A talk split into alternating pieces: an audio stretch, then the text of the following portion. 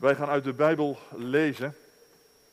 Wij lezen vanmiddag verder, om het maar zo te zeggen, in Marcus.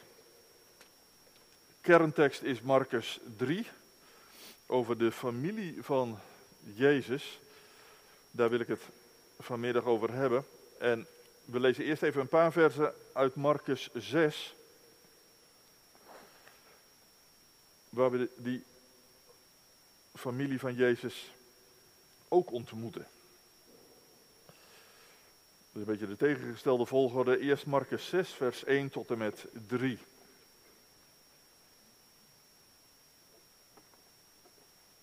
Marcus 6 vanaf vers 1. En hij ging vandaar weg en kwam in zijn vaderstad en zijn discipelen volgden hem. En toen het Sabbat geworden was, begon hij in de synagoge te onderwijzen. En velen die luisterden stonden er versteld van en zeiden, waar heeft deze die dingen vandaan? En wat is dit voor wijsheid die hem gegeven is, dat ook zulke krachten door zijn handen gebeuren? Is dit niet de timmerman, de zoon van Maria en de broer van Jacobus en Jozef en van Judas en Simon? En zijn zijn zusters niet hier bij ons? En ze namen aanstoot aan hem. Vervolgens lezen we uitgebreider over dat gezin van Jezus in Marcus 3 vanaf vers 20. Marcus 3 vanaf vers 20. En Jezus en zijn discipelen kwamen thuis en er kwam opnieuw een, een menigte bijeen, zodat ze zelfs geen brood konden eten. En toen zijn verwanten, daar heb je dus die familie, toen zijn verwanten dat hoorden, gingen zij erop uit om hem tegen te houden. Want ze zeiden, hij is buiten zichzelf. En dan wordt deze geschiedenis een beetje onderbroken door een geschiedenis die, die tegelijkertijd speelde. En de schriftgeleerden die uit Jeruzalem gekomen waren, zeiden, hij heeft Beelzebul. En door de aanvoerder van de demonen drijft hij de demonen uit. Maar hij riep hem bij zich en zei tegen hen in gelijkenissen: Hoe kan de Satan de Satan uitdrijven? Want als een koninkrijk tegen zichzelf verdeeld is, kan dat koninkrijk geen stand houden. En als een huis tegen zichzelf verdeeld is, kan dat huis geen stand houden. En als de Satan tegen zichzelf opstaat en verdeeld is, kan hij niet stand houden, maar betekent dat zijn einde. Niemand kan het huis van een sterke binnengaan en zijn huisraad roven, als hij niet eerst de sterke bindt en dan kan hij zijn huis leegroven. Voorwaar, ik zeg u, dat alle zonden de mensenkinderen vergeven zullen worden en de lasteringen die ze ook maar uitgesproken zullen hebben. Maar wie gelasterd zal hebben tegen de Heilige Geest, die heeft geen vergeving in eeuwigheid, maar is schuldig en verdient het eeuwige oordeel. Want ze zeiden, hij heeft een onreine geest. En dan pakt Marcus de draad van dat eerste verhaal weer op. Nu kwamen dan zijn broers en zijn moeder en terwijl ze buiten stonden, stuurde ze iemand naar hem toe om hem te roepen. Maar de menigte zat om hem heen en ze zeiden tegen hem: Zie, uw moeder en uw broers daarbuiten zoeken u. Maar hij antwoordde en zei: Wie is mijn moeder? Of wie zijn mijn broers? En terwijl hij rondom zich keek naar hen die om hem heen zaten, zei hij: Zie, mijn moeder en mijn broeders. Want wie de wil van God doet, die is mijn broeder en mijn zuster en mijn moeder. Zo luidt het woord van onze Heer. Amen. Gemeente van Jezus Christus. Het, het begin van Jezus' rondwandeling begint voor al, ons altijd een beetje ja, onverwachts, abrupt. Want 30 jaar is het volkomen stil en, en dat, dan is hij daar ineens. En dan, dan trekt hij door het land. Bekeer u, want het koninkrijk van God is nabij u gekomen. Heel abrupt eh, is hij er ineens, uh, vooral in Marcus. Uh, Marcus vertelt geen, geen kerstverhaal, hij, hij, is er ineens. Nou ja, we weten wel weinig over, over die eerste dertig jaren van, van Jezus leven. Maar misschien viel het je wel op dat Marcus tussen de regels door toch wel zo het een en ander vertelt. In Marcus 6 lazen we over het gezin waarin Jezus is opgegroeid. En daar ontdek je dat, dat Jozef en Maria later ook nog andere kinderen hebben gekregen. De zonen worden hier bij name genoemd. Jacobus en Jozes en Judas en Simon. En er waren er nog een stel zussen ook.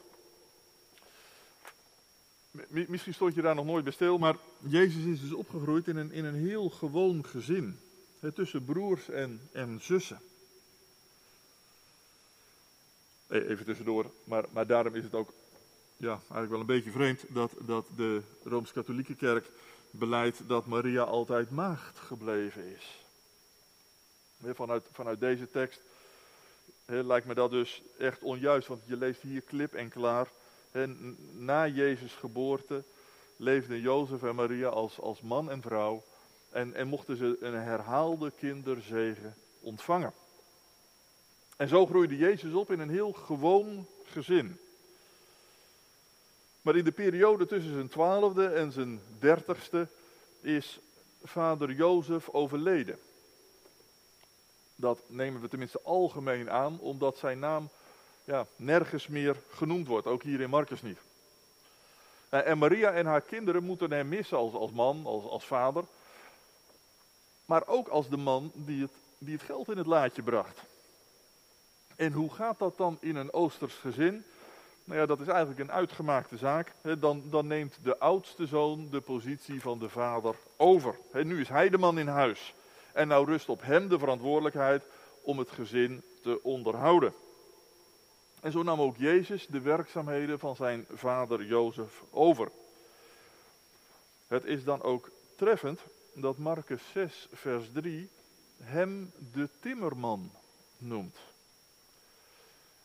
elders in de evangelie lees je nog wel geregeld, is hij niet de zoon van Jozef de timmerman. Maar bij Marcus, en alleen hier bij Marcus lees je, is hij niet de timmerman. Hij. En ik denk dat dit een kant van Jezus is waar je misschien maar zelden of nooit bij stilstaat. Voordat Jezus ging prediken, was hij misschien wel 15 jaar lang timmerman. En in die tijd was timmerman vooral meubelmaker. En je moet je dat eens proberen voor te stellen. loop in gedachten als het ware zo is in die, in die werkplaats binnen. overal staan planken en latten van verschillende soorten hout. En kijk, daar staat Jezus. Bij de werkbank te schaven aan een paneel. Het stof zit in zijn baard. De houtkrullen liggen zo rond zijn voeten. En, en kijk, daar komt de dorpsgenoot de werkplaats binnen. Ja, en die spreekt er natuurlijk niet met eerbied aan. Hè? Als goede meester of zo. Nee, natuurlijk niet. Het zijn, het zijn gewoon plaatsgenoten. Hé Jezus, heb, je mijn nieuwe tafel al klaar? Nee, bijna. Ik moet er alleen de poten nog inslaan. Maar die kapotte bank van Eliezer kwam er gisteren tussendoor. Ah, geef niet hoor. Kom ik morgen wel terug. Ja, kort. Ja, je, je snapt wel, ik probeer zomaar een beeld te schetsen bij dat ene woord timmerman. Wij zingen dat lied wel eens. Hij kwam bij ons heel gewoon. Nou, zo, zo, zo was het dus ook inderdaad. Heel gewoon. Misschien wel schokkend gewoon. Zo ontzettend gewoon dat iedereen ook dacht dat dit gewoon altijd zo door zou gaan. Ja, maar toen werd hij 30. De leeftijd waarop mensen met inzicht publiekelijk mogen gaan spreken. En hoe die omkeer dan precies ging, dat, dat, vertelt de Bijbel niet. Maar de geest werd vaardig over hem. Ik denk dat ik dat zo wel zeggen mag, hè? want zo zegt de Bijbel dat dan zo vaak over anderen ook. De geest werd vaardig over hem. En, en tamelijk abrupt verandert hij zijn bestaan. Want hij pakt wat spullen bij elkaar en, hij laat Nazareth voorgoed achter zich. Hij zal het gezin van zijn moeder vast niet aan een lot hebben overgelaten. Daar zal hij vast een, een oplossing voor hebben gezocht. Maar, maar hij neemt afscheid. Hij reist naar Judea om zich door Johannes te laten dopen. Vervolgens verblijft hij 40 dagen in de woestijn. En dan, ja, dan keert hij weer terug naar Galilea. Maar naar Capernaum, een dorpje verderop. Om zich daar te vestigen als prediker. Ja, maar wat voor prediker? Hij is totaal anders dan de rabbies van zijn tijd. Want die waren altijd bezig met het minutieus uitpluizen van de Torah. Maar, maar hij roept uit dat het koninkrijk van God nabijgekomen is. En dat nu alles moet veranderen. En hij schenkt die verandering ook. Want hij spreekt met gezag en op, op zijn woord genezen er mensen. En ja, dan gaat het snel. dan gaat het snel. Want als de mensen merken dat hij genezen kan, ja, ontstaat er een enorme toeloop. Overal vandaan komen de, de zieken naar hem toe, waar hij op bevel demonen uitdrijft. Maar voor die genezing is hij niet allereerst gekomen, zegt hij in Marcus 2. En, daarom trekt hij verder, om te gaan prediken. Maar de mensen die trekken met hem mee. En hij krijgt aanhangers die hem overal volgen. En zo verandert het leven van Jezus van Nazareth van de een op de andere dag. Hè? Zo was hij nog een hele gewone timmerman, zo is hij opeens een religieuze leider. Hij, hij, is in één klap een hype geworden, die, uh, een influencer, die, die door tallozen wordt gevolgd. En ik zeg het nou een beetje modern, maar, maar dat trof mij eigenlijk wel. Die, die, die enorme aanwas van volgers die, die, die je ontmoet als je het begin van Marcus leest. De, de populariteit van Jezus die, die, die gaat zo overweldigend snel dat, dat die mensenmassa hem, bijna letterlijk overweldigt. Vanmorgen hoorden we dat, dat de menigte zo intens is dat sommigen zelfs gewoon het dak openbreken om nog binnen te komen. In Marcus 3 lees je dat hij zijn toespraken vanuit een boot moet gaan houden, omdat hij op de kant anders onder de voet gelopen wordt. Zojuist lazen we dat ze hem nog geen minuutje de tijd gunnen om nog maar een boterham te eten. En dat zijn van die teksten, daar lees je zo makkelijk overheen omdat je het wel kent. Maar als je dat nou als een totaalplaatje op je in laat werken, dan voel je de hoogspanning waaronder hij moet werken.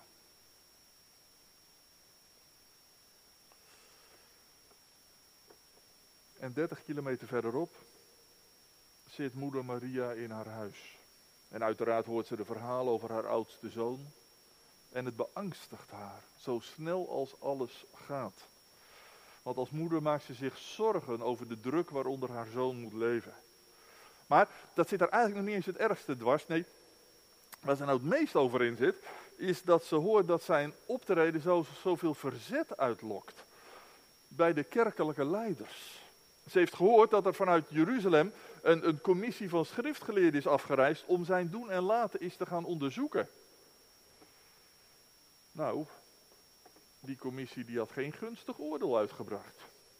Nee, weet, weet je wat die commissie gerapporteerd had? Pas op voor deze man. Deze man is occult. Die is occult bezeten. Laat je niet met hem in, want hij drijft demonen uit door samen te spannen met de Satan zelf. En Maria hoort dat allemaal. Denkt daarover na. En dan het erge. Ze gaat er nog in mee ook. Maria gaat er nog in mee ook. Want ze denkt inderdaad, hij, hij zal wel doorgedraaid zijn. Helemaal doorgeslagen door alles wat hem is overkomen. Want anders is dit, is dit, dit dwaze gedrag toch ook niet te verklaren, zeg. Wie, wie gaat er nou genezen op de Sabbat? Wie, wie, laat zich nou omringen door twaalf, ja ook weer precies net twaalf, wie laat zich nou omringen door twaalf volgelingen alsof het nieuwe Israël al is aangebroken? Dat doe je er niet, dan gooi je toch je eigen glaas in. Het is hem vast te veel geworden. Hij, hij zal het wel niet meer op een rijtje hebben. En Maria wordt bang. Want beseft Jezus wel wat hij zich op de hals haalt? Straks doen de overpriesters hem nog in de ban. Straks wordt hij nog voor de hoge raad gedaagd. En Maria overlegt met haar andere zonen wat ze nu het beste kan gaan doen. En zo komen we bij vers 21.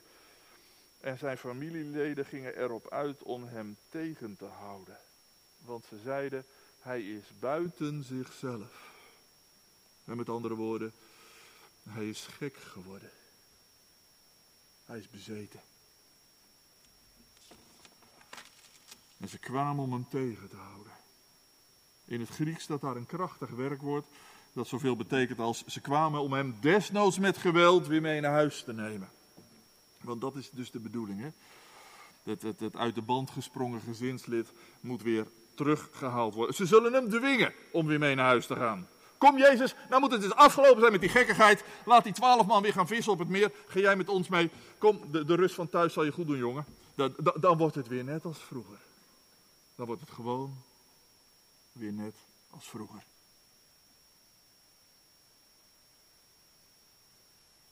Gemeente, wat een tekst. Had je Marcus 3, vers 21 eigenlijk al wel eens gelezen en overdacht? En zijn familie kwam om hem tegen te houden met geweld, want ze zeiden: hij is gek geworden.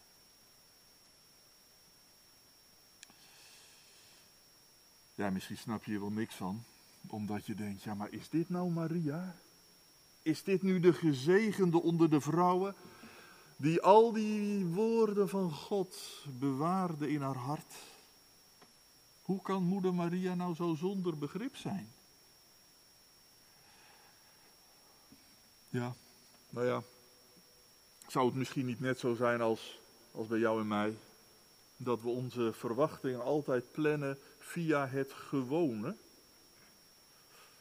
Natuurlijk was Maria de, de, de roeping van Jezus niet vergeten, maar dat, dat, dat, wist ze vast wel dat hij daar een invulling aan zou gaan geven. Maar in haar over, eigen overpeinzing had ze, ja, had ze vastgedacht dat hij zich zo binnen de bestaande orde zou openbaren. Met haar moeder trots had ze misschien wel gehoopt dat hij de knapste rabbi van het land zou worden. Of, of misschien wel hoge priester.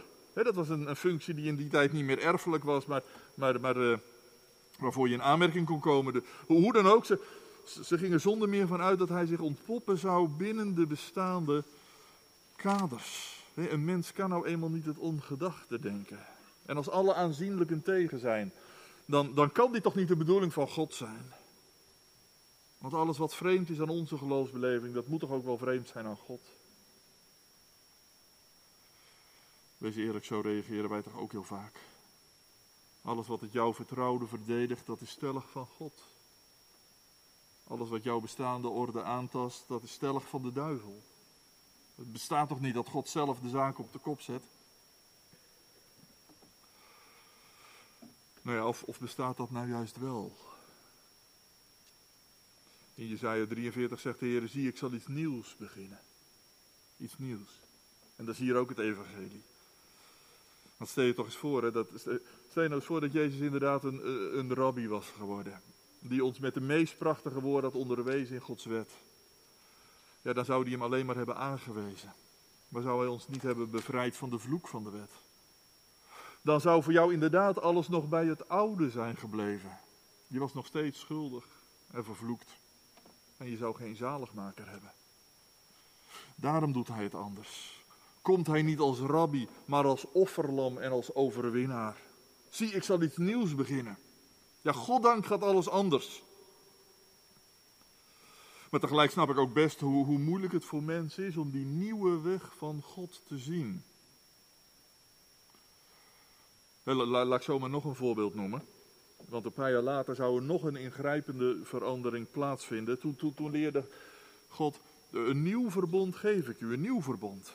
Een verbond ook met de heidenen zonder de Joodse wetten. En Paulus droeg dat overal uit. Maar de, de discipelen hadden zo eerst toch hun aarzelingen bij zulke heidenzending. Want ja, een evangelie zonder besnijdenis, ja, dat, dat hebben we nog nooit gedaan hoor. Dat, dat hebben we echt nog nooit gedaan. Is, is dat nou echt Gods bedoeling? Laten we zulke vragen maar nooit veroordelen. Wat is het moeilijk om op kruispunten de weg van God te zien? En ik noem bewust geen actuele voorbeelden, want ik ben ook maar een, een beperkt mannetje die, die moeilijk verder kijken kan. Ik weet wel dat de Heer ons altijd twee richtlijnen heeft meegegeven. Onderzoek alle dingen in de schriften. Die is niet met zichzelf in tegenspraak. En beproef de geesten of ze uit God zijn. En heel kerkelijk zeg ik erbij, dat mag ook best rustig. Net als de gemeente van Berea. Die dat nieuwe woord van Paulus eerst is rustig onderzocht. Als er maar liefde is, die de ander niet verkettert als een duivel. En zijn familie wilde hem met dwang naar huis brengen, want ze zeiden, hij is gek. En dan komt vers 31. Toen kwamen zijn broers en zijn moeder. En terwijl ze buiten stonden, stuurde ze iemand naar hem toe om hem te roepen. Ja, het is dus inmiddels het vertrouwde tafereel. Het huis van waar Jezus is, dat puilt uit van de mensen. Binnen is het afgeladen vol. Daar, daaromheen staat, staat een grote groep die door de open ramen nog iets probeert te volgen. En als Maria en haar zonen arriveren, is, is er geen doorkomen aan. Nou ja, dan moet het maar via via. Ik stel me zo voor dat ze de achterste persoon op de schouders hebben getikt. Zeg, willen u even doorgeven dat, dat wij hier staan? Dat we Jezus graag willen spreken. En die geeft het dan weer door aan degene voor hem. En, en die weer, nou, tot het door is gekropen tot aan de voorste rij, hè, vers 32. En de menigte die om hem heen zat, zei: Zie, uw moeder en uw broeders daarbuiten zoeken u.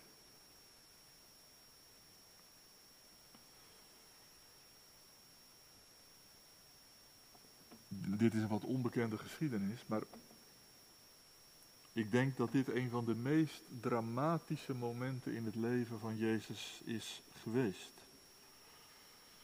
Zijn moeder die hem roept. Zijn moeder die hem wegroept van zijn taak. Ze stond hem altijd zo nabij. En ze is nou lichtjaren van hem verwijderd. Wat zal het een pijn hebben gedaan om deze vraag uit haar mond te horen? En, en, en ergens trekt het natuurlijk ook, want hij, hij, hij proeft er wel haar liefde in. En, en zijn vader had toch gezegd, eer je moeder. Nou ja, zo, zo gaat er van alles door het hoofd. En zijn prediking stokt. De Heer is hier even stil van. Maar dan stelt hij opeens die tegenvraag. Wie zijn mijn moeder en mijn broeders? En die vraag die, die klinkt wel zo vreemd dat alle luisteraars verbaasd opkijken. Maar, maar Jezus geeft zelf meteen het antwoord: Ja, jullie zijn mijn moeder en mijn broeders. hoe kan dat nou? Hij heeft toch maar één moeder en, en, en een paar broers. Maar Jezus bedoelt het geestelijk en, en dat legt hij ook meteen uit. Wie de wil van God doet, die is als mijn broeder en mijn zuster en mijn moeder. Die zijn het zegt Jezus. En daarmee legt hij een scheiding tussen de mensen. En van die ernst zal ik straks nog wat zeggen. Maar ik kan toch niet laten om, om, om je vanmiddag eerst het evangelie te vertellen. Want in deze woorden klinkt allereerst een ontzettend blij evangelie. Een blijde boodschap, namelijk dat wij familie van Jezus kunnen worden. Jij, jij mag broer of zus van onze Here zijn. Je weet vast dat het in de kerk gebruikelijk is om elkaar broeder of zuster te noemen.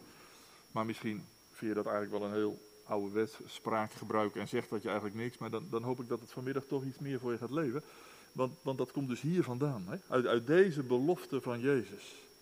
Hij wil jou beschermen als, beschouwen als, als zijn broer. Hij wil jou beschouwen als zijn zus. En, en, en voel je wel hoe ver die vergelijking gaat. Vroeger zei het Oude Testament, ja wie kan de Heer zien en leven? Maar Jezus gooit de deur open.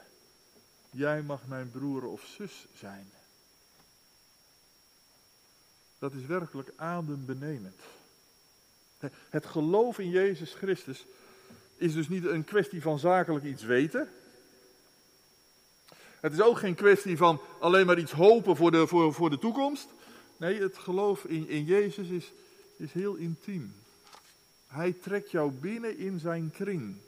En jij mag een band met Jezus krijgen. Een band die nog sterker is dan de bloedband met je eigen familieleden. En die band die is sterk, hè? Dat, dat zeggen we wel eens tegen elkaar. Hè? De, het bloed kruipt waar het niet gaan kan. Ja, maar uiteindelijk, we, we blijven wel familie. Nou, zo'n sterke band wil Jezus met jou. Want, want wij hebben toch een band? We hebben toch een nieuw verbond? En dat is sterk hoor. Het water van de doop is nog dikker dan de band van het bloed.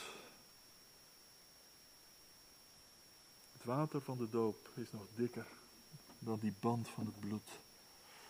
Je mag in het geloof ervaren dat je een hele persoonlijke relatie met Jezus hebt. Zodat, zodat je overtuigd bent dat niks je kan scheiden van die liefde van Jezus. En dat is iets om voor jezelf echt over na te denken. Want beleef je dat zo? Beleef ik dat nou ook zo hecht? Dat, dat Jezus als het ware je oudste broer is. Weet je nog hoe, vroeger, hoe trots je vroeger was op je oudste broer op het schoolplein? Dat.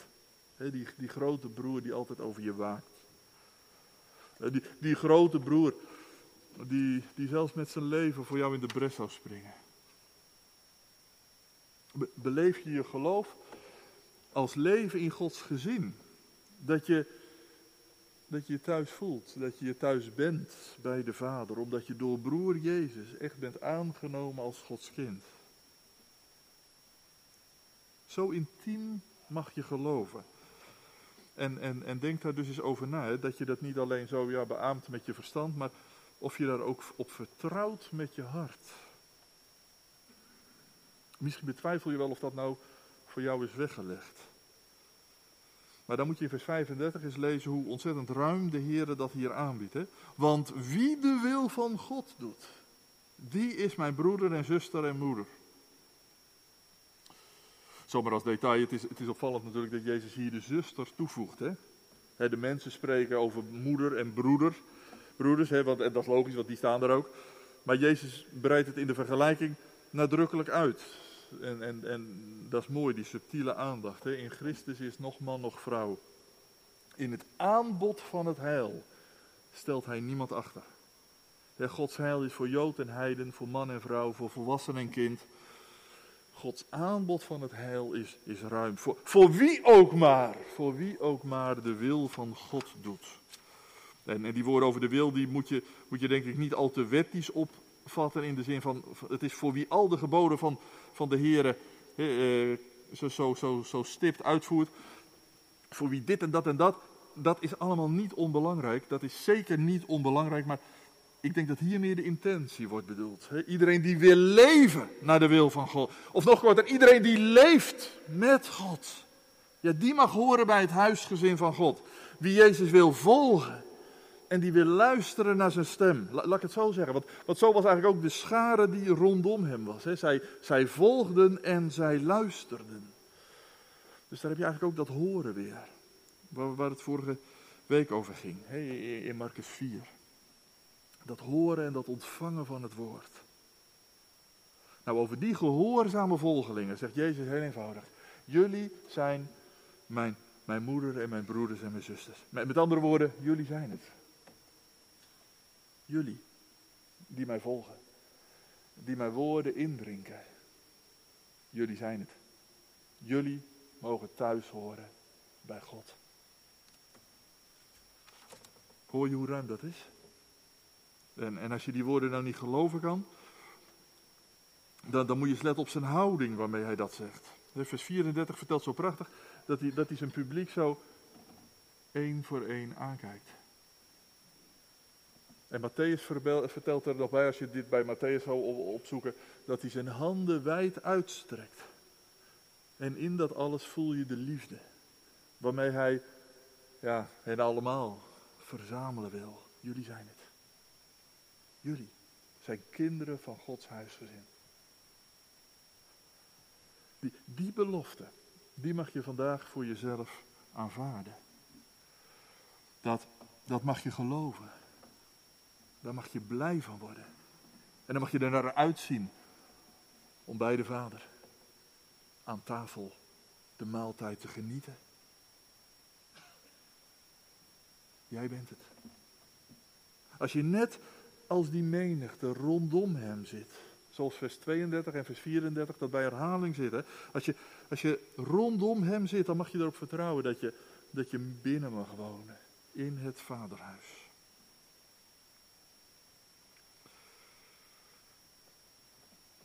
Ja, dan moet ik de andere kant er ook nog wel bij zeggen.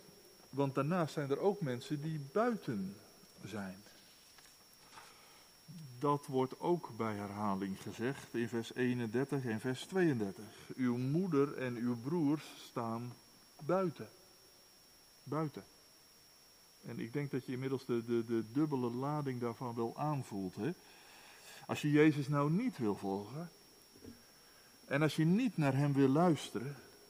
Maar als je juist over hem wil regeren, omdat jij het immers veel beter weet.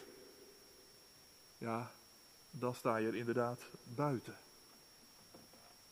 Buiten zijn genade, buiten zijn heil, buiten zijn zaligheid. En wat is dat een ontzettend ernstig woord. Dat Jezus nota bene over zijn eigen gezin moet uitspreken. Want ook al zijn ze honderd keer familie van hem, als ze hem niet willen volgen, dan staan ze er buiten. Dus ja, dat ernstige woord, dat, dat zou misschien vandaag ook wel voor iemand kunnen gelden. Als je denkt dat het, dat het met jou wel goed zit, nou ja, alleen al, ja, nou ja, omdat je gedoopt bent, omdat je familie hier in de kerk zit, eh, gewoon toch, ja. Maar als je hem niet persoonlijk volgt, als je niet van harte naar de heiland luistert, dan val je toch nog buiten zijn kring. En daarom moet je daar heel ernstig over nadenken. Waar sta jij eigenlijk in het leven? Is dat rondom hem? Of is dat buiten hem? Waar sta je in het leven? Eh, misschien helpt het wel als je die vraag concreter maakt. Hè? Uh, waar word je bijvoorbeeld ontzettend blij van? Waar, waar breng je vrije tijd door? Waar zoek je vriendschappen? Is dat rondom hem? Of is dat buiten? Waar, waar investeer je in? Waar geef je graag je inzet aan? Is dat rondom hem? Of is dat buiten hem? Waar maak jij je beslissing? Als je, als je nou met een, met, een, met een lastig vraagstuk zit, waar, vraag je, waar zoek jij dan de raad? De wijsheid. Is dat rondom hem? Of buiten hem? Waar ben je straks in de eeuwigheid? Als je sterven moet. Is dat rondom hem? Of is dat buiten? Zo, zo, valt er hier dus een scheiding onder de mensen. En dat is een nieuwe scheiding, want de grenzen worden heel anders neergelegd. Je kan je niet meer beroepen op bloedverwantschap of op, op kerklidmaatschap. Dat is allemaal niet beslissend. Nee, van het nieuwe koninkrijk worden de nieuwe grenzen gelegd rondom geloof of ongeloof in Hem. En dat die nieuwe grens, die, die loopt meer dan eens dwars door families heen. En misschien herken je dat, die, die verschillen in de familiekring. Laatst hadden we het er samen nog over, hè, dat specifiek over kinderen die, die niet meer naar de kerk toe gaan. Maar, maar dat kan dus ook andersom. Het kan ook andersom zijn, hè, dat, dat, dat, dat, dat jij eigenlijk de enige bent die, die zich bewust met het geloof bezighoudt. En, en dan herken je misschien die, die, die pijn die dat kan geven. Die moeite die het kost om altijd op te boksen tegen, ja, tegen de rest. En misschien ook wel tegen hun, hun, hun minachting. En misschien heb jij ook wel familieleden die Jezus gek vinden. En die jou maar heel erg gek vinden. Dat jij altijd naar de kerk toe gaat en nog steeds het oude boek leest. En ze lachen je uit. Het liefst midden op de verjaardag zo, hè. zodat jij in je eentje daar weer zit met zo'n rood hoofd. Wat is het dan een troost om te zien dat, dat onze heiland die, die, die, die, die pijn herkent en, en zelf ook geleden heeft. Omdat ook zijn gezin hem wilde afhouden van de weg van God. En wat is het bemoedigend om te zien hoe, hoe standvastig hij voor zijn hemelse vader koos. Omdat de bloedband het uiteindelijk niet haalt bij het godsgezin waar je, waar je voor eeuwig thuis mag zijn. Later zou de heiland dit ook leren in, in het onderwijs wat hij gaf. Wie mij wil volgen, maar, maar mij niet stelt boven zijn familie, die kan mijn discipel niet zijn. En als je dat zo hoort, wat zijn dat dan moeilijke woorden? Maar, maar, kijk dan naar hemzelf, want uit dit woord heeft hij ook zelf geleefd in zijn eigen leven. En hij geeft er een belofte bij. Er is niemand die verlaten heeft, of broeders of zusters, om mijnentwil, of hij ontvangt honderdvoud terug, nu in deze tijd al aan broeders of zusters. En, en kijk, dat ontvang je dus in de gemeenschap van de kerk. De kerk is de nieuwe familie van God. Waarin jij en jij en jij werkelijk aan elkaar verbonden worden. Tot een nieuwe familie die, die juist ook omkijkt naar hen die in hun biologische familie nauwelijks broeders of zusters hebben. De vervolgde kerk, wereldwijd, die, die, die, die bouwt daarop. En, en misschien moeten wij er ook wel meer oog voor, voor, voor gaan krijgen. Let er maar eens op of je, of je die mensen kent. En, en, en wees een, een broer en een zus voor hen, want, want ze hebben die liefde nodig. Eén ding wil ik graag nog, nog, nog eraan toevoegen. Want moeder Maria en haar zonen, zij staan hier buiten. Maar goddank krijgen ze nog genadetijd. En, en, en weten wij ook dat die genadetijd heel rijk is gezegend. Want als ze een paar jaar later bij het kruis staan, dan, dan komen zij tot bezinning. En als een paar dagen later Jezus opstaat uit de dood, dan zoekt hij hen persoonlijk op. En het geloof rijpt en breekt door, ook bij hen. En als er weer een paar dagen later de Pinkstergemeente samenkomt, dan zijn zij er gelukkig bij. Maria's naam wordt daar vermeld. En zijn broers Jacobus en Judas groeien zelfs uit tot steunpilaren van de gemeente. En achter in de Bijbel hebben wij nog steeds hun brieven. De brief van Jacobus en de brief van Judas. En dat zijn dus de letterlijke broers van onze Heere Jezus. Ik wil maar zeggen, ook buitenstaanders mogen binnenkomen. Want nog is er genadetijd. En dat, dat mag ons opnieuw bemoedigen. Als je, als je dus denkt aan jouw geliefden die nu nog ver af, die nu misschien Jezus wel als belachelijk terzijde schuiven. Wie weet hoe, hoe het evangelie ook hun hart raken kan.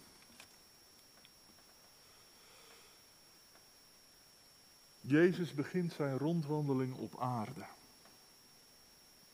We lezen deze weken die, die eerste prediking, die eerste ontmoetingen. Jezus begint zijn rondwandeling op aarde. Hoe dat voor hem was, nou, naar de mens gesproken was dat begin moeilijk voor hem. Want oude banden breken. Maar nieuwe banden groeien. En, en zo, zo, zo komt die, die blijde boodschap van, van het koninkrijk van God inderdaad dichtbij. Want Jezus ging door. En Jezus gaat door. Om jou en jou en jou en jou en jou te trekken te brengen in zijn huisgezin. Amen.